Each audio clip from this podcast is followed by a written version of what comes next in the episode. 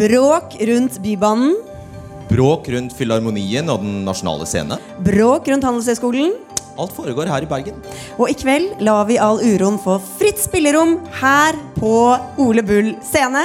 Velkommen til Dagsnytt 18 fra Bergen.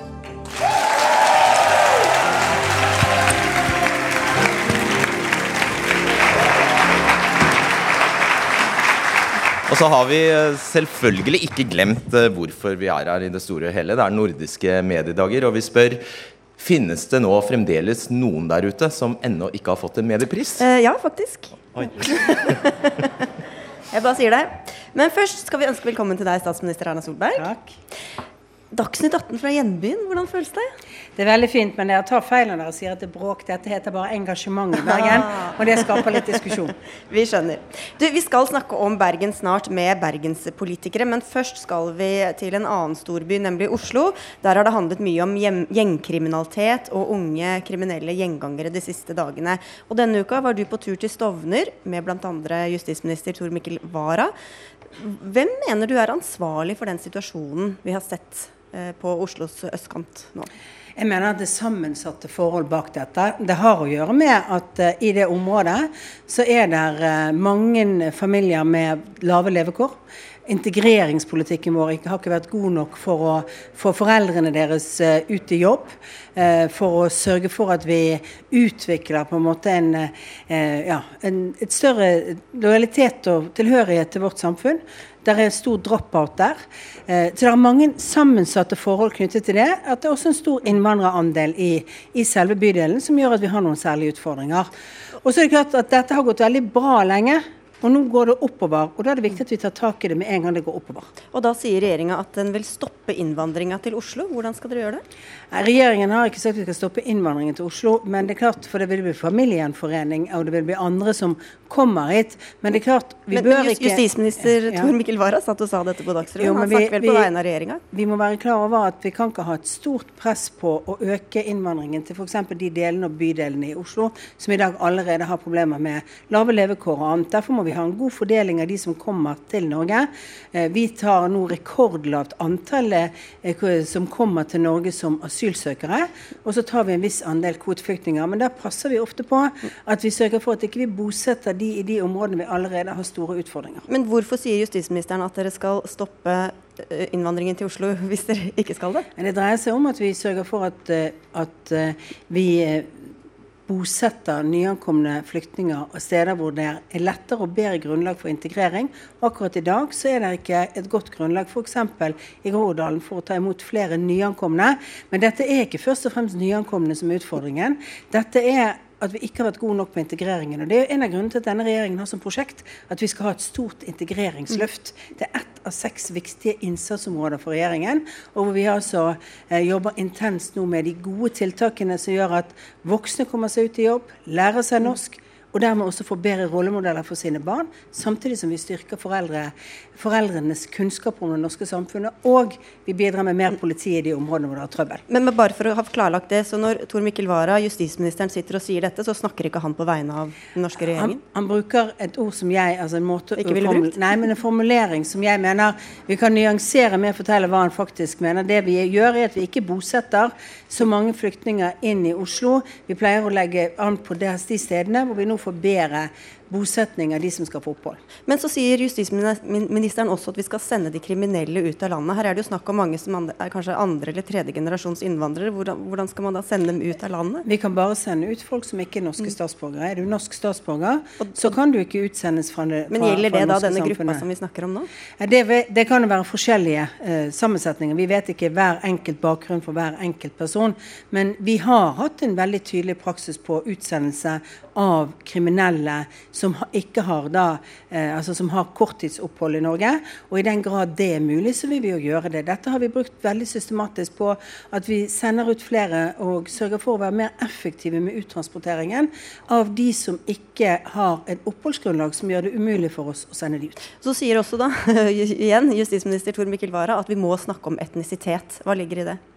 Vi må snakke om at noe av dette dreier seg om integreringsproblemer. Vi må være ærlige på at når du har store familier med begge foreldre, eller bare én forelder, og ingen av de er i jobb, hvor uh, det er store sosiale problemer knyttet til det, så er de mindre i stand til å klare um, å være gode foreldre og stoppe en kriminell utfordring. Det betyr at vi må sette større tiltak inn på det. Men, men Handler det om etnisitet? Ja, Det handler jo om at uh, en hoved, hoveddelen av disse gjengene ikke, har, ikke er norske altså ikke er andre, altså De ikke, uh, har ikke foreldre som kommer fra Norge. Det er en utfordring bl.a. fordi deres foreldre ikke er godt nok integrert i det norske samfunnet. Det høres ut som ganske mye av det justisministeren sa på Dagsrevyen for noen dager siden ikke helt uh, er det som er regjeringas politikk. Jeg går i dybden på det som han har sagt om hva som faktisk er forholdet.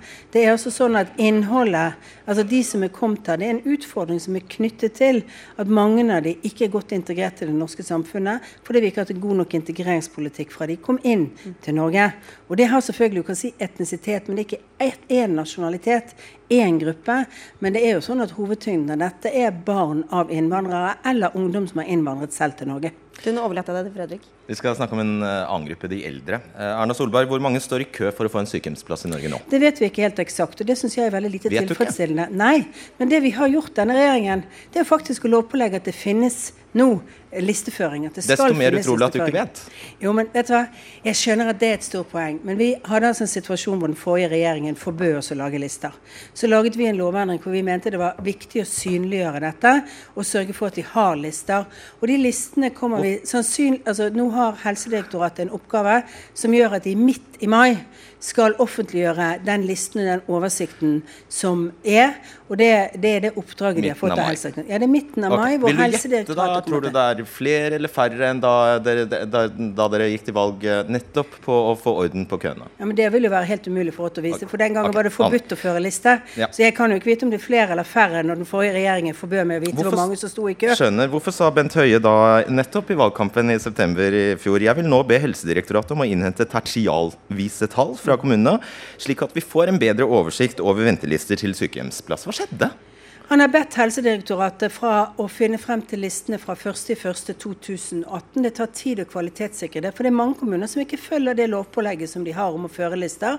Derfor så følges det tett opp fra Helsedirektoratet for å få frem disse listene. Følger ikke lovpålagte krav? Nei, det er ikke uvanlig at det tar litt tid før kommuner følger opp alle lovpålagte krav. Og det har de ikke gjort. og Derfor så har jo Helsedirektoratet fått dette oppdraget. Og derfor skal vi få tall. Og da håper jeg at alle kommunene har gjennomført det som står i loven, at de skal føre lister. At vi får ordentlige tall til midten av 2018. Men du må jo være glad for at vi nå får vite det, da. Ja, ja, ja. Pga. at denne regjeringen har sagt at vi må se hvor, mange, hvor lang køen er. Absolutt. Det blir veldig spennende. For å håpe for din del at tallene er lavere, da. Uh, kan, de, de, dette vil bli de første tallene du noen gang ser. Det er ja, ja, ikke mulig å si lavere eller høyere, Nei, men vi får greit. et utgangspunkt å måle utviklingen fremover på. Ja, Sånn er det. Du, I går la du uh, fram uh, reformen Le Leve hele livet. og Der er altså hensikten at kommunene skal lære av hverandre når det gjelder eldreomsorg. Nøyaktig hvor mye penger følger med denne reformen? Hvert eneste år så bruker vi noen milliarder mer på eldreomsorg i Norge. Vi bruker ca. 107 milliarder på omsorgssektoren i kommunene. Og hvert eneste år så øker vi bevilgningene til kommunene. Og hvert eneste hoved... år blir det flere eldre. Ja, og med hovedbegrunnelse i at det blir flere eldre. Men så har vi altså økt mer enn det som bare antallet eldre blir. Og, så så hva er beløpet, det nye beløpet? Eh, hvert eneste år vedtar vi kommuneøkonomien. Det er en del av den store makroøkonomiske rammen. Det kan vi ikke fortelle på forhånd. Vi skal faktisk styre økonomien i dette landet på en god måte. Mm. Men det det denne reformen først og fremst dreier seg om, er hvordan bruker vi de 107 vi allerede i fjor brukte på omsorg. Hvordan sørger vi for at vi får mest mulig kvalitet ut av det. Vi skal øke tilbudet hvert eneste år, men vi skal også øke kvaliteten på hva vi leverer. Og når vi vet at noen kommuner og noen institusjoner eksempel, klarer det mye bedre enn andre, selv om de ikke har bedre økonomi, så har dette å gjøre med at det går an å få bedre kvalitet uten at du bare snakker om penger. Ja, De skal lære av hverandre. ikke sant? Best practice. Ja. Eldreminister Åse Michaelsen um, brukte 15 kommuner som uh, solskinneksempler i sin tale. Altså eksempler på kommuner som virkelig får det til, og som andre bør se til. Vil du gjette hvor mange av disse Uh, vil du gjette hvem som styrer disse kommunene, Erna Solberg? Men jeg er helt sikker på at Arbeiderpartiet styrer noen av disse kommunene. Hvor mange tror du da Nei? Det vet jeg ikke på de 15, 15, ja, de 15. eksemplene. Det, det, vet jeg ikke. Men det er ganske mange av de kommunene som vi har vært snakket med, som styres av andre partier enn regjeringspartiene. Jeg har mange gode eksempler fra høyrestyrte kommuner også. Mm. Jeg holdt tale i går, og da brukte jeg to eksempler. Det ene var fra en høyrestyrt kommune, mm. det andre var fra en Arbeiderpartistyrt kommune. Du skal få fasit, Erna Solberg. Hun brukte altså 15 kommuner som eksempler. 13 av dem er styrt av Arbeiderpartiet. Én av Senterpartiet og én av Frp. Hva forteller det deg?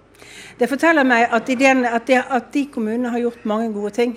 Og så har vi altså eksempler på veldig mange gode løsninger i andre kommuner. F.eks. har Bærum vært en kommune som har ligget langt fremme på trygghetsområdet i veldig mange år for eldre. Så jeg kan bruke mange eksempler fra andre kommuner. Det som er viktig her er å si, at det er ingen kommuner som er gode nok på eldreomsorg i Norge. Men mange kommuner har, mange, har gode tiltak.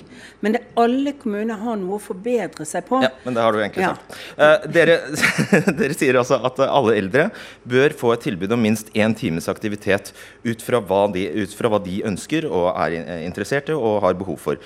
Samtidig er jo dette noe du ikke vil gi elevene rett til, altså en times uh, aktivitet. Men, du, men hvem skal jeg, utføre denne nei, men, aktiviteten sammen men, med de eldre, lurer jeg på. Men da må jeg begynne med å si at jeg tror du tar feil hvis vi snakker om det fysisk aktivitet. Oh ja, aktivitet, aktivitet i en eldreinstitusjon kan dreie seg om at det er noe man opplever tiltak man gjør. Det kan være okay. kunst, kultur, det kan være alt mulig annet. Det er ikke sånn at alt dette er trim for eldre. Nei, eh, det er faktisk også og trim for hjernen, f.eks.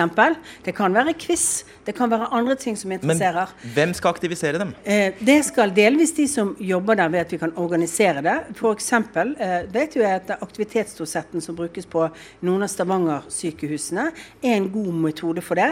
Hvor man har ulike tiltak som gjøres, og det gjøres av de som jobber der. Men det er også viktig å si at vi har en stor ressurs i vårt samfunn hvor vi kan ta med frivillige for å gjøre noen av aktivitetene. F.eks. så er det sånn å gå på gåtur.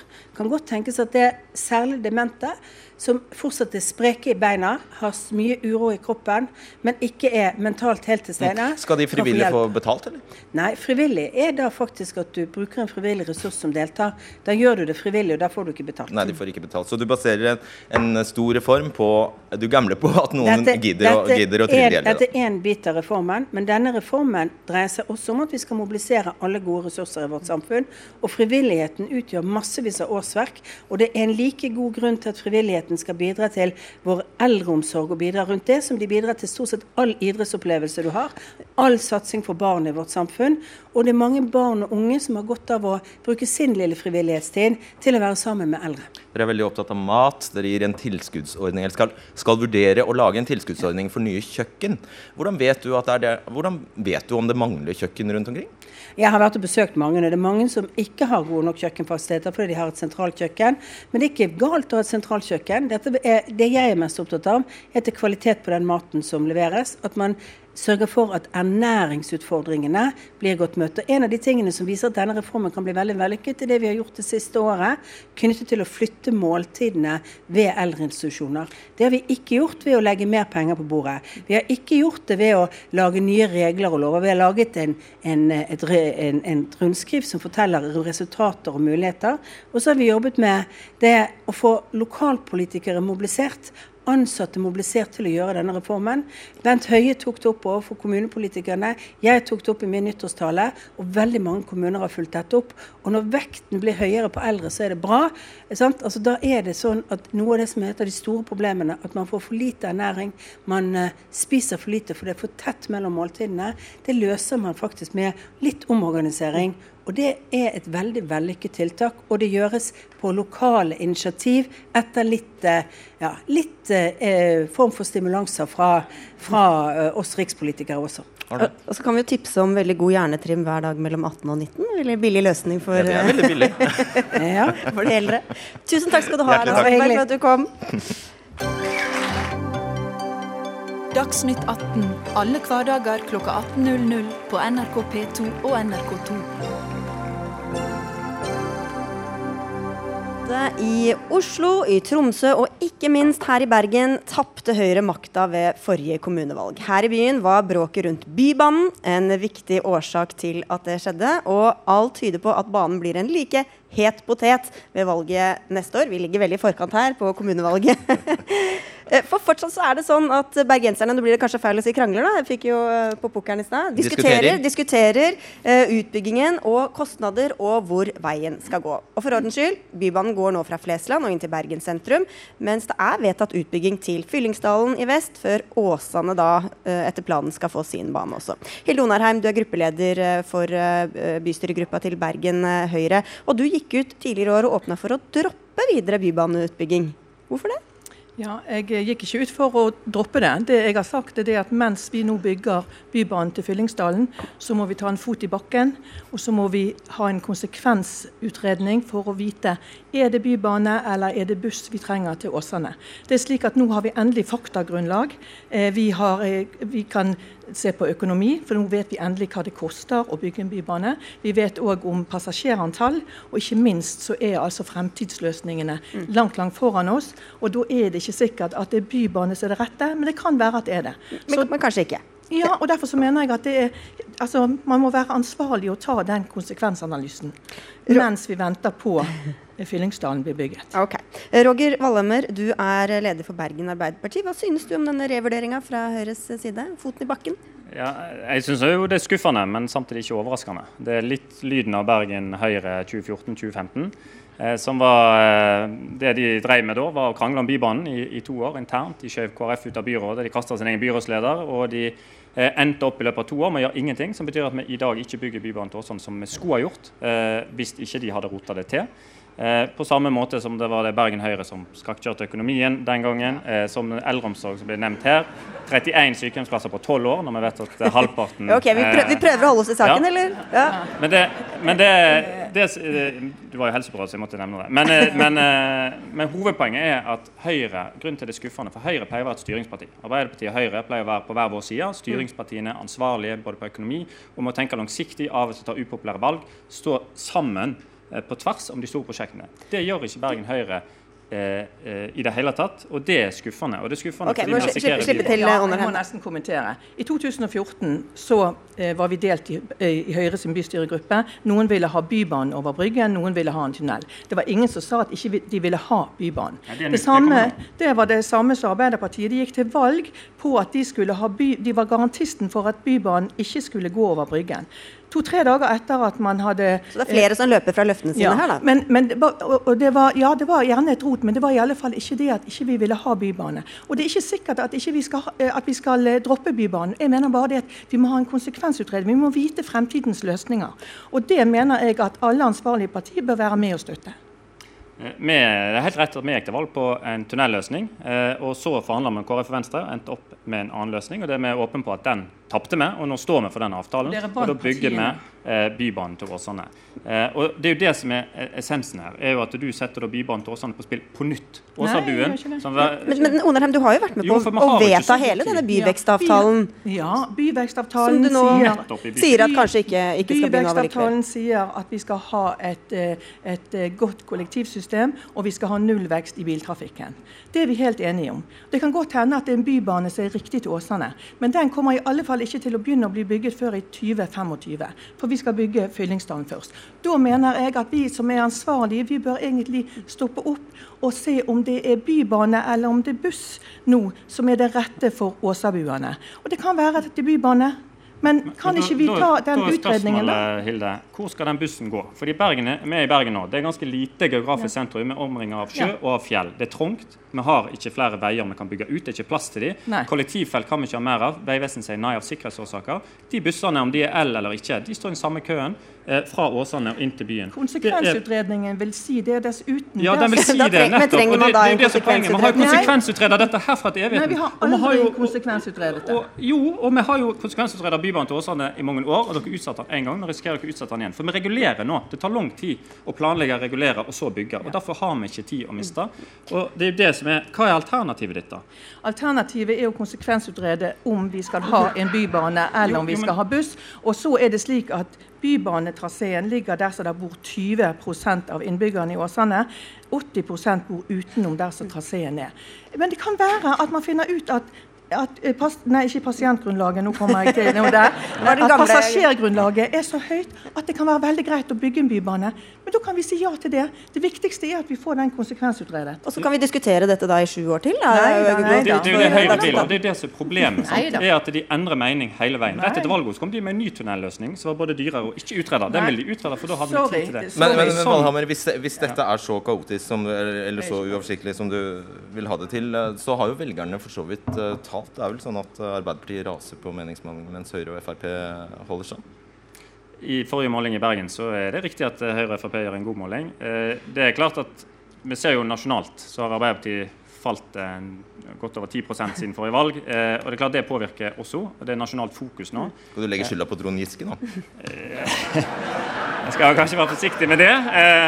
Men jeg kan iallfall si at vi har tro på at når fokuset igjen blir lokalt neste år, så tror jeg bergenserne kommer til å huske hva Høyre etterlot seg av handlingslammelse eh, og eh, stillstand i byen. Eh, og når vi får vist hva vi har gjort, og hva vi har lyst til å gjøre de neste årene For handlingsrommet vårt har vært lite pga. den økonomiske okay. situasjonen. har vært krevende. Det er bare feil. Vi etterlot oss nesten 600 millioner kroner når vi måtte gå fra kontorene, i motsetning til 1 milliard som dere hadde i underskudd når vi overtok. Da føler jeg at vi har eh, beveget oss litt ja. ut fra, fra, fra temaet, så jeg tror vi sier men, tusen takk. Vi, men, ja. Ja, det var jo veldig synd, da, for nå var vi kommet kommet godt i gang. Tusen takk skal dere ha. Sånn er det alltid. Hilde Oberheim og Roger Wallander.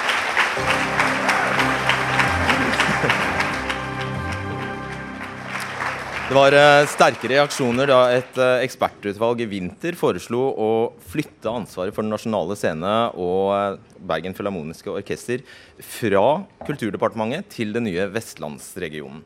Hvis regjeringen velger å lytte til dette ekspertutvalget, ja da skal Bergens kulturstoltheter eh, bli styrt fra, hold deg fast, Førde i Sunnfjord. For i avtalen i den, eh, om den nye vestlandsregionen eh, er det bestemt at Sogn og Fjordane nemlig skal ha ansvar for kultur. Bernt Berge, du er administrerende direktør i Bergen Filharmoniske Orkester. Dere aksepterer jo i dag å leve godt med å bli styrt fra Oslo, så hva er forskjellen på Oslo og Førde?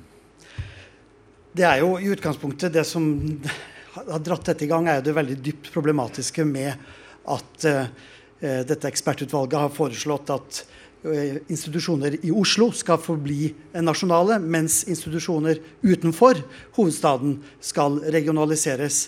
Og da er det jo det å si at uh, staten kan ikke bare ta ansvar for det som ligger i Oslo, men Norge, Norge er mer enn Oslo. Ok. hva er galt med Førde? Det er mye pent, det er, det er, det er mye pent å, å, si om Førde. Av og til er det så bra vi er på TV òg. Ja, ikke sant? Eh, er, eh, vi er eh, av og til i Førde, som vi er i mange andre steder innenfor vår region. Men vi er jo først og fremst et orkester som har også nasjonal og internasjonal samhandling. Og det blikket som kreves for å se den funksjonen som vi har ikke minst internasjonalt, gjennom eh, intensiv turnering, et intensivt innspillingsprogram, et digitalt konserttilbud og internasjonale sambestillinger.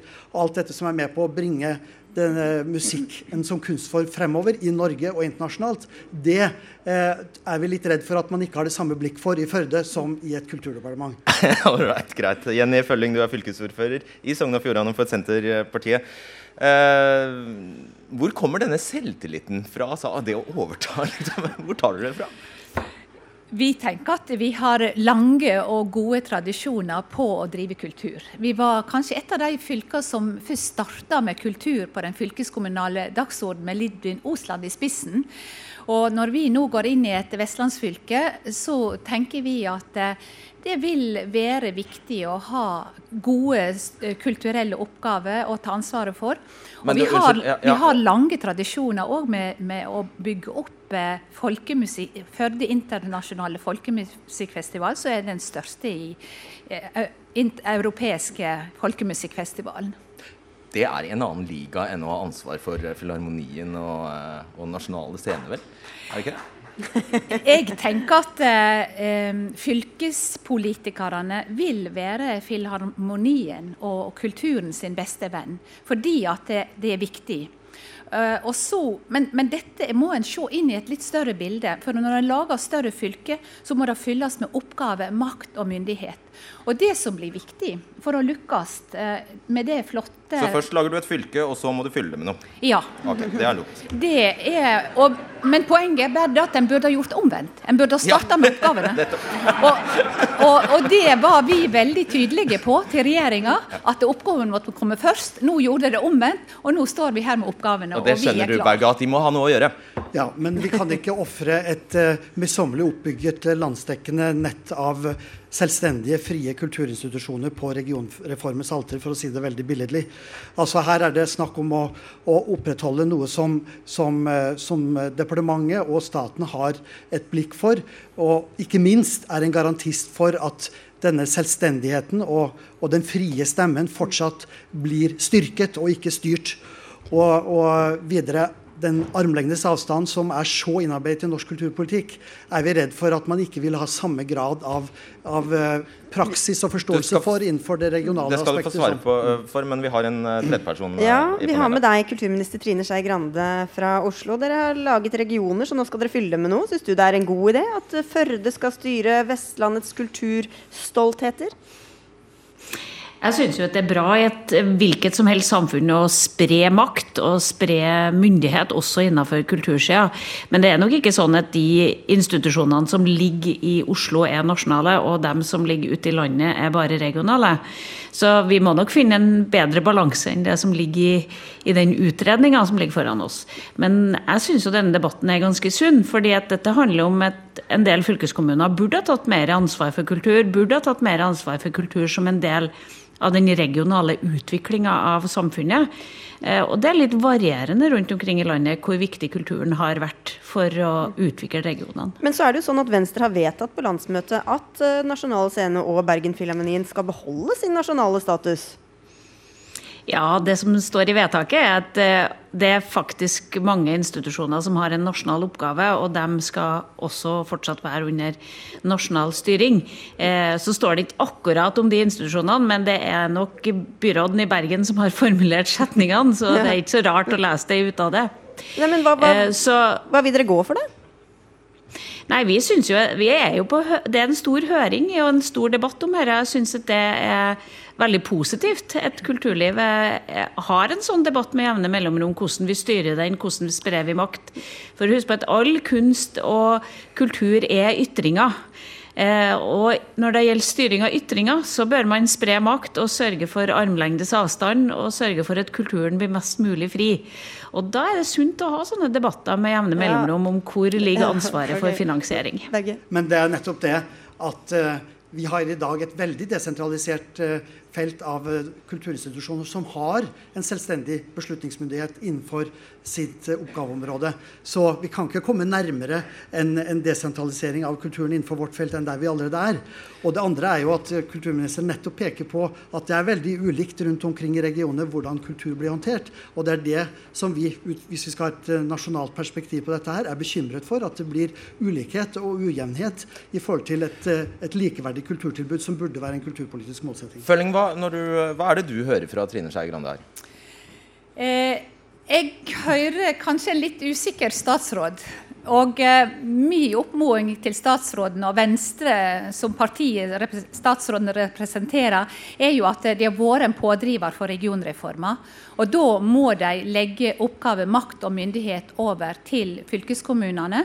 Og en av dem er jo kultur. For er det noe vi kan vokse på, så er det å både å bruke våre naturgitte ressurser, skape arbeidsplasser der, og bygge i, vår identitet på kultur og språk. Og jeg har en utfordring til statsråden, og det gjelder for at vi skal lykkes med de oppgavene. Det er faktisk at pengene blir lagt over til fylkeskommunene. Da vil vi være veldig godt i, i stand til å ta over mange av kulturområdene.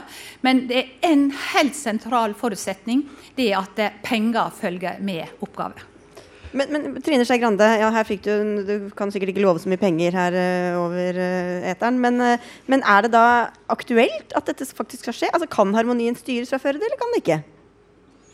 Jeg tror jo at harmonien kunne ha styres for føde. Det er ikke det som er utfordringa spørsmålet. Hvordan vi får til en best mulig kulturpolitikk, hvordan vi får til god kvalitet til norske borgere, og frie institusjoner som kan være drivere i Kultur-Norge.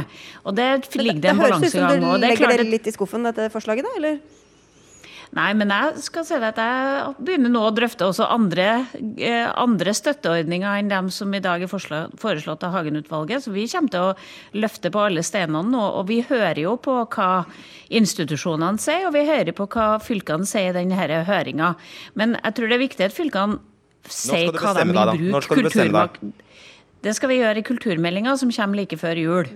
Eh, men det som er min sånn utspill tilbake, er at eh, selvfølgelig skal alle de oppgavene som blir fordelt, også følge penger med. Men det kan ikke være sånn at fylkespolitikerne bare står og roper etter penger. Jeg er opptatt av hva vil de bruke kulturmakta til? Hvis vi skal delegere mer kulturmakt ut til regionene, hva vil de bruke det til? Har de en, en plan for hvordan de skal bruke de institusjonene for å styrke kulturlivet, styrke regionale utviklinga, sørge for at det blir eh, bedre? Ja, vi lar Følling Jeg syns det er det spørsmålet man må svare på. Ja, da lar vi henne svare på. Ja, jeg syns det er et veldig flott spørsmål å få lov å svare på. Fordi at, eh, og jeg vil, jeg vil bruke ett eksempel. Opera Nordfjord. Der kom et par ei sunnmørsjente og en amerikaner til Nordfjordeid som musikkskolelærer. Og de realiserte sin drøm og bygde Opera Nordfjord. Der deltar de elever på videregående skole.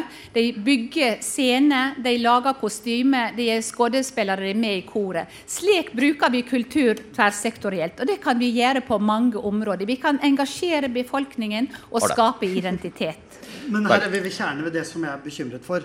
At man blander sammen frivilligheten, det amatørkulturen og det semiprofesjonelle med det fullprofesjonelle institusjonsfeltet, som har helt andre driftsforutsetninger, og som ikke må bli slått i hardkorn. Det er veldig lett i en fremtid å se for seg at i fylkeskommunen med trange budsjetter, så vil en million, to eller tre fra Harmonien som har så store budsjett, lett kunne gå over til et annet felt. Og dermed så er vi den tapende part. Og sånn kan det ikke være. Da forvitrer hele dette eh, nasjonale institusjonsnettverket raskt. Og uh, det er også faktisk et, et, et, et poeng at, uh, at uh, her må det nasjonale perspektivet tillegges vekt. Og ikke minst også de byråkratiske mellomleddet som kommer inn. At vi nå skal da få oppbygging av kulturadministrative staber i fylkene, istedenfor at vi har direkte kontakt med, med departementet, okay. som trenger informasjon om den enkelte virksomheten direkte til seg. Du har 20 sekunder. Da har vi drevet teater i 20 og 30 år, og vi har ikke blanda oss opp i den kulturelle friheten til å lage teater. Men det er viktig at vi er gode eiere, tilretteleggere og er heiagjeng for den flotte kulturen som jeg tror vi er enige om at vi ønsker i et vestlandsfylke. Vi setter strek der. Tusen takk skal dere ha, Bernt Bauge, Jenny Følling og Trine Skei Grande med oss fra Oslo.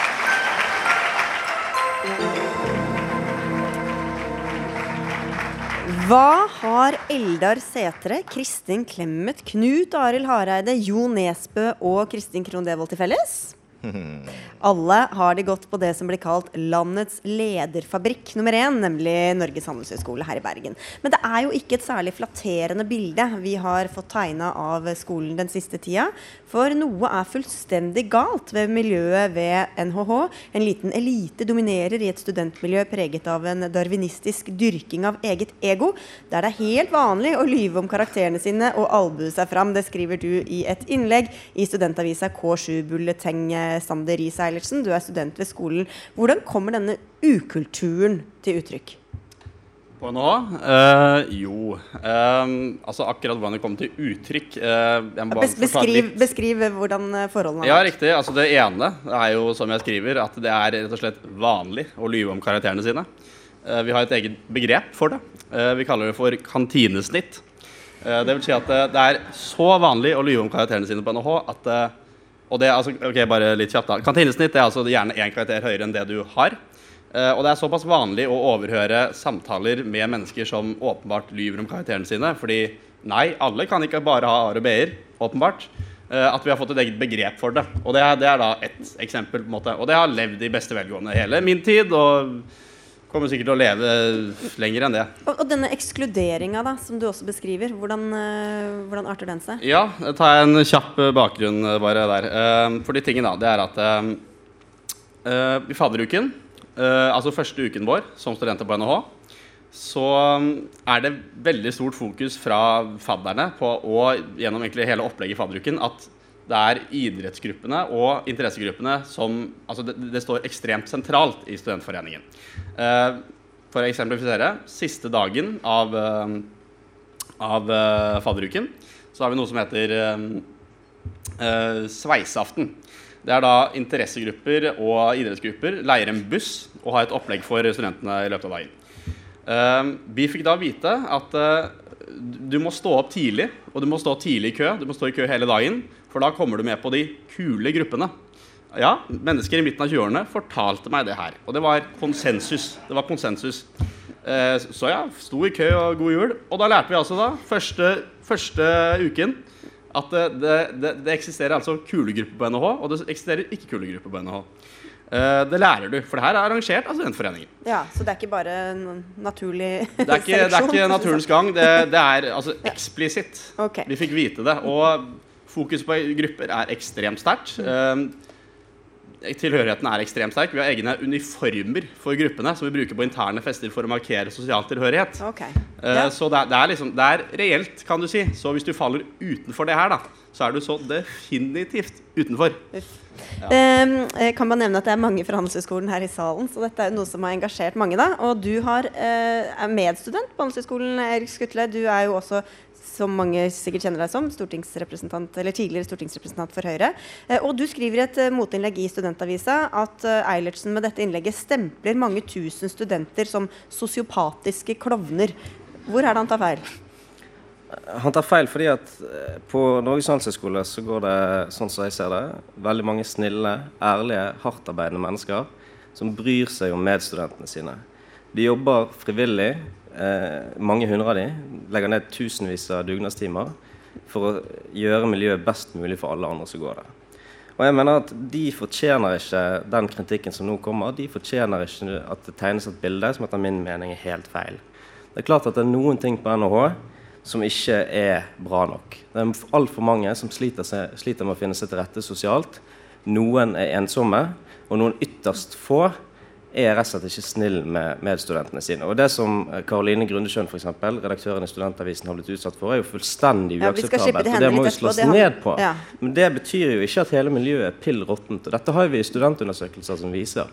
Og de er helt entydige. De sier at folk trives på NHH. Folk trives bedre på NHH enn eh, ved andre tilsvarende skoler. Eh, så det er liksom ikke noen grunn til å svartmale situasjonen helt. Da. Jeg sier ikke at hele miljøet er fullstendig ødelagt. Jeg sier at noe er fullstendig galt med miljøet. Men hvor representativt er det, da, de erfaringene du har gjort? deg? Uh, hvor representativt når, når du hører at uh, 84% av studentene sier at de er veldig fornøyd eller fornøyd med å studere på NHH? Ja, uh, jeg har noen kommentarer til den undersøkelsen her. For det første, fint tall, flott tall. Og det ble trukket fram i stor skala. Det som ikke ble trukket fram i debatten så langt, det er at én av tre utvekslingsstudenter føler seg trakassert. Uh, I tillegg så er det altså 32% som har svart på undersøkelsen. Det vil si at 68% av skolen ikke er inkludert i undersøkelsen. Og ja da, jeg kjenner til statistikkens lover. 32% er egentlig nok, men vi er ikke sikre på om dette er representativt. Mm. I tillegg, dette er en trivselsundersøkelse. Jeg kritiserte miljøet på NHH.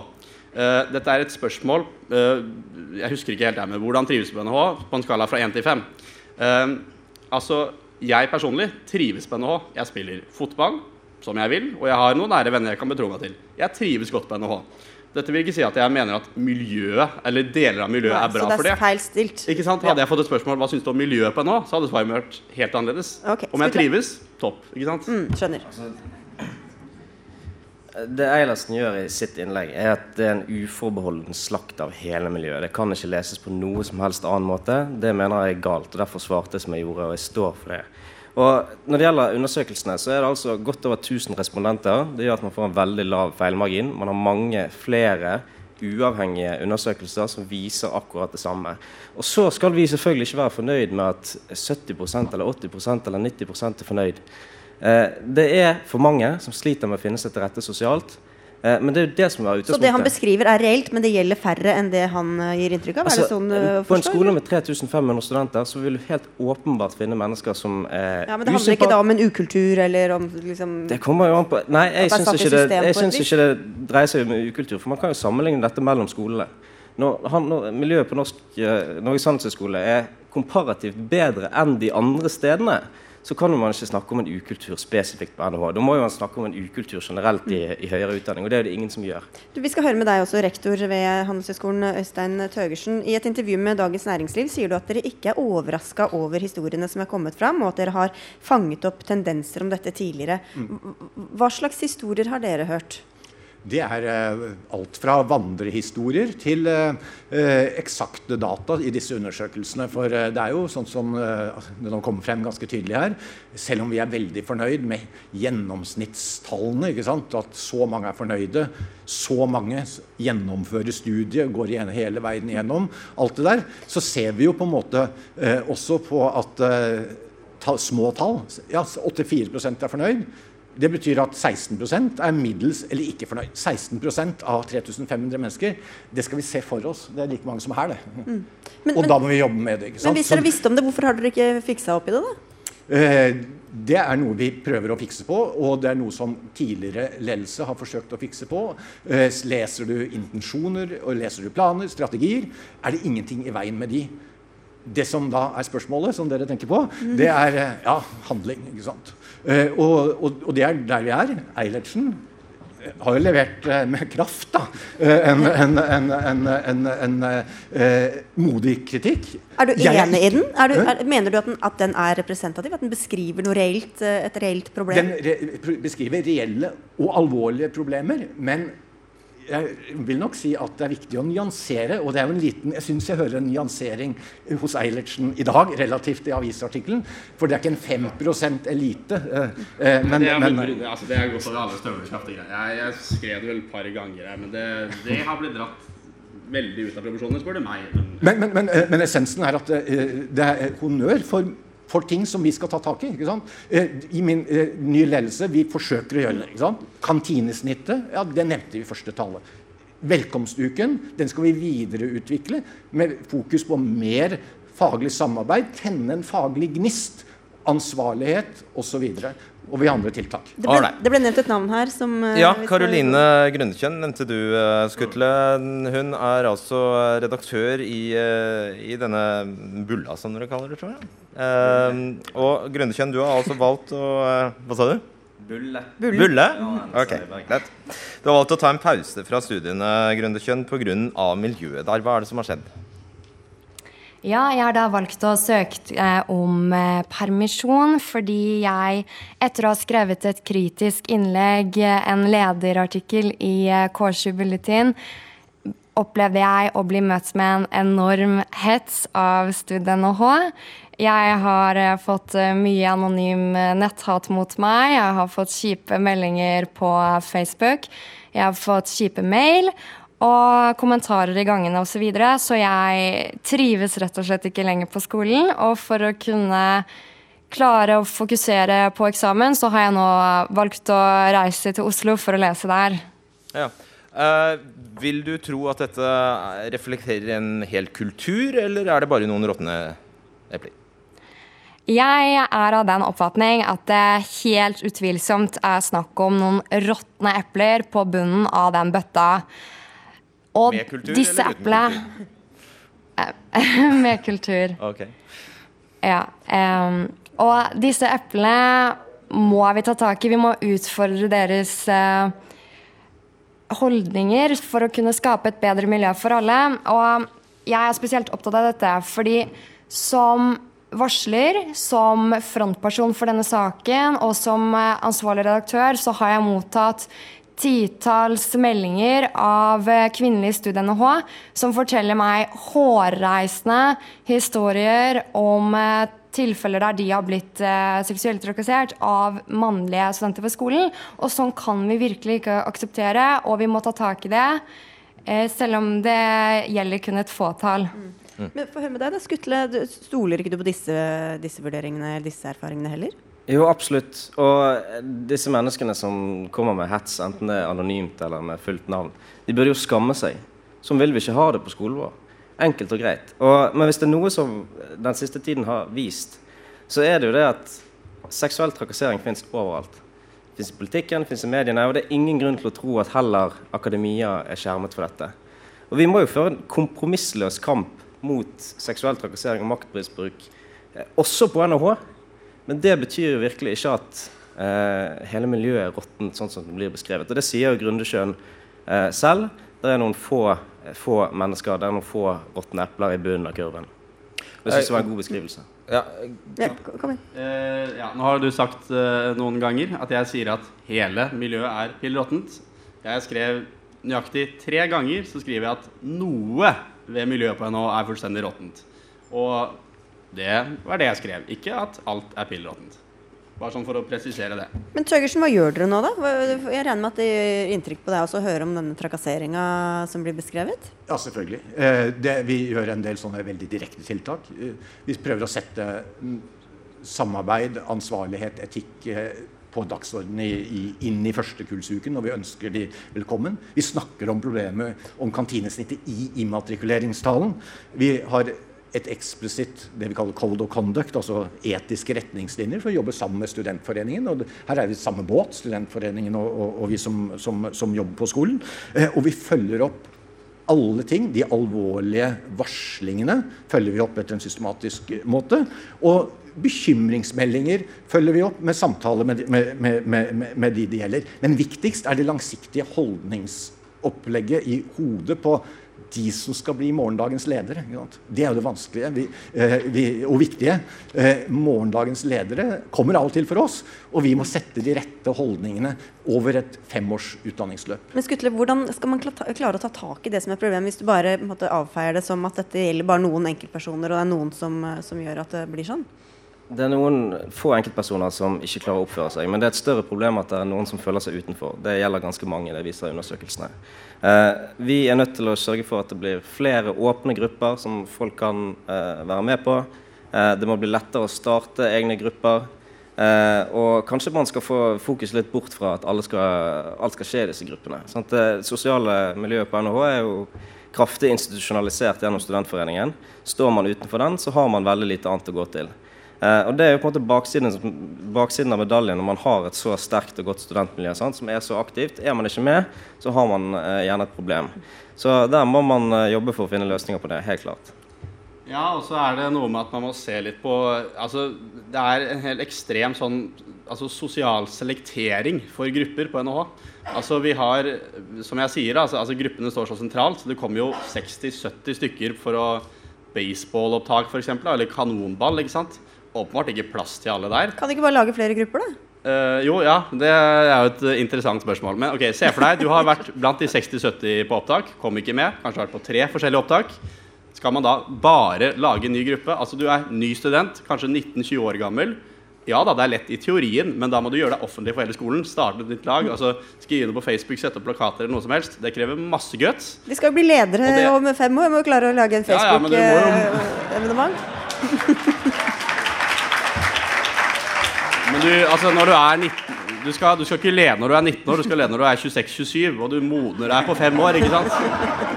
ok, og Til deg til slutt her, Grundekjønn. Hva mener du må gjøres da for at, eh, at det du beskriver skal eh, At det skal bli slutt på det?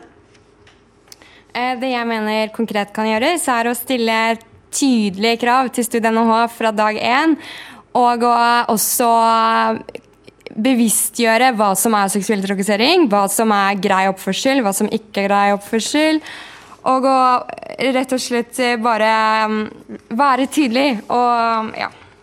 Takk skal du ha. Du var på forsida av Dagens Næringsliv i dag og kom inn i Dagsnytt 18 også. Takk til dere også tre her i studio, Sander Riise Eilertsen, Erik Skutle og Øystein Tøgersen. Hør Dagsnytt 18 når du vil. Radio NRK NO.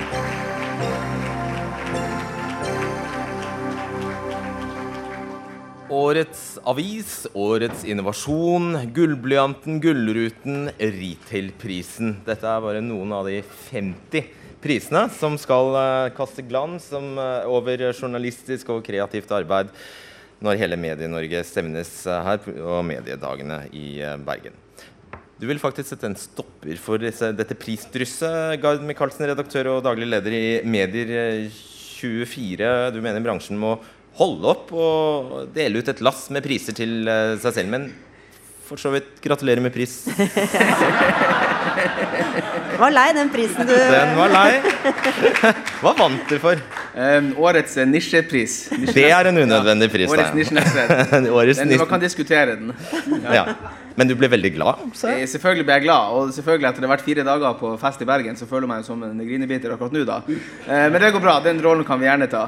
Altså, jeg jeg mener jo ikke at, eh, at man skal holde opp og slutte å dele ut priser, men man kan kanskje kutte 20-30 Mm. Det er blitt 20-30 Årets færre ansatte. nisjenettsted, f.eks.? Ja, det, den jeg kan diskutere den også, men, eh, men det er klart at det, det, det er gøy å prise, det er viktig å feire seg sjøl litt, og det er viktig å konkurrere, men det er to ting som skiller mediebransjen fra andre. Det ene er at det er veldig mange priser her.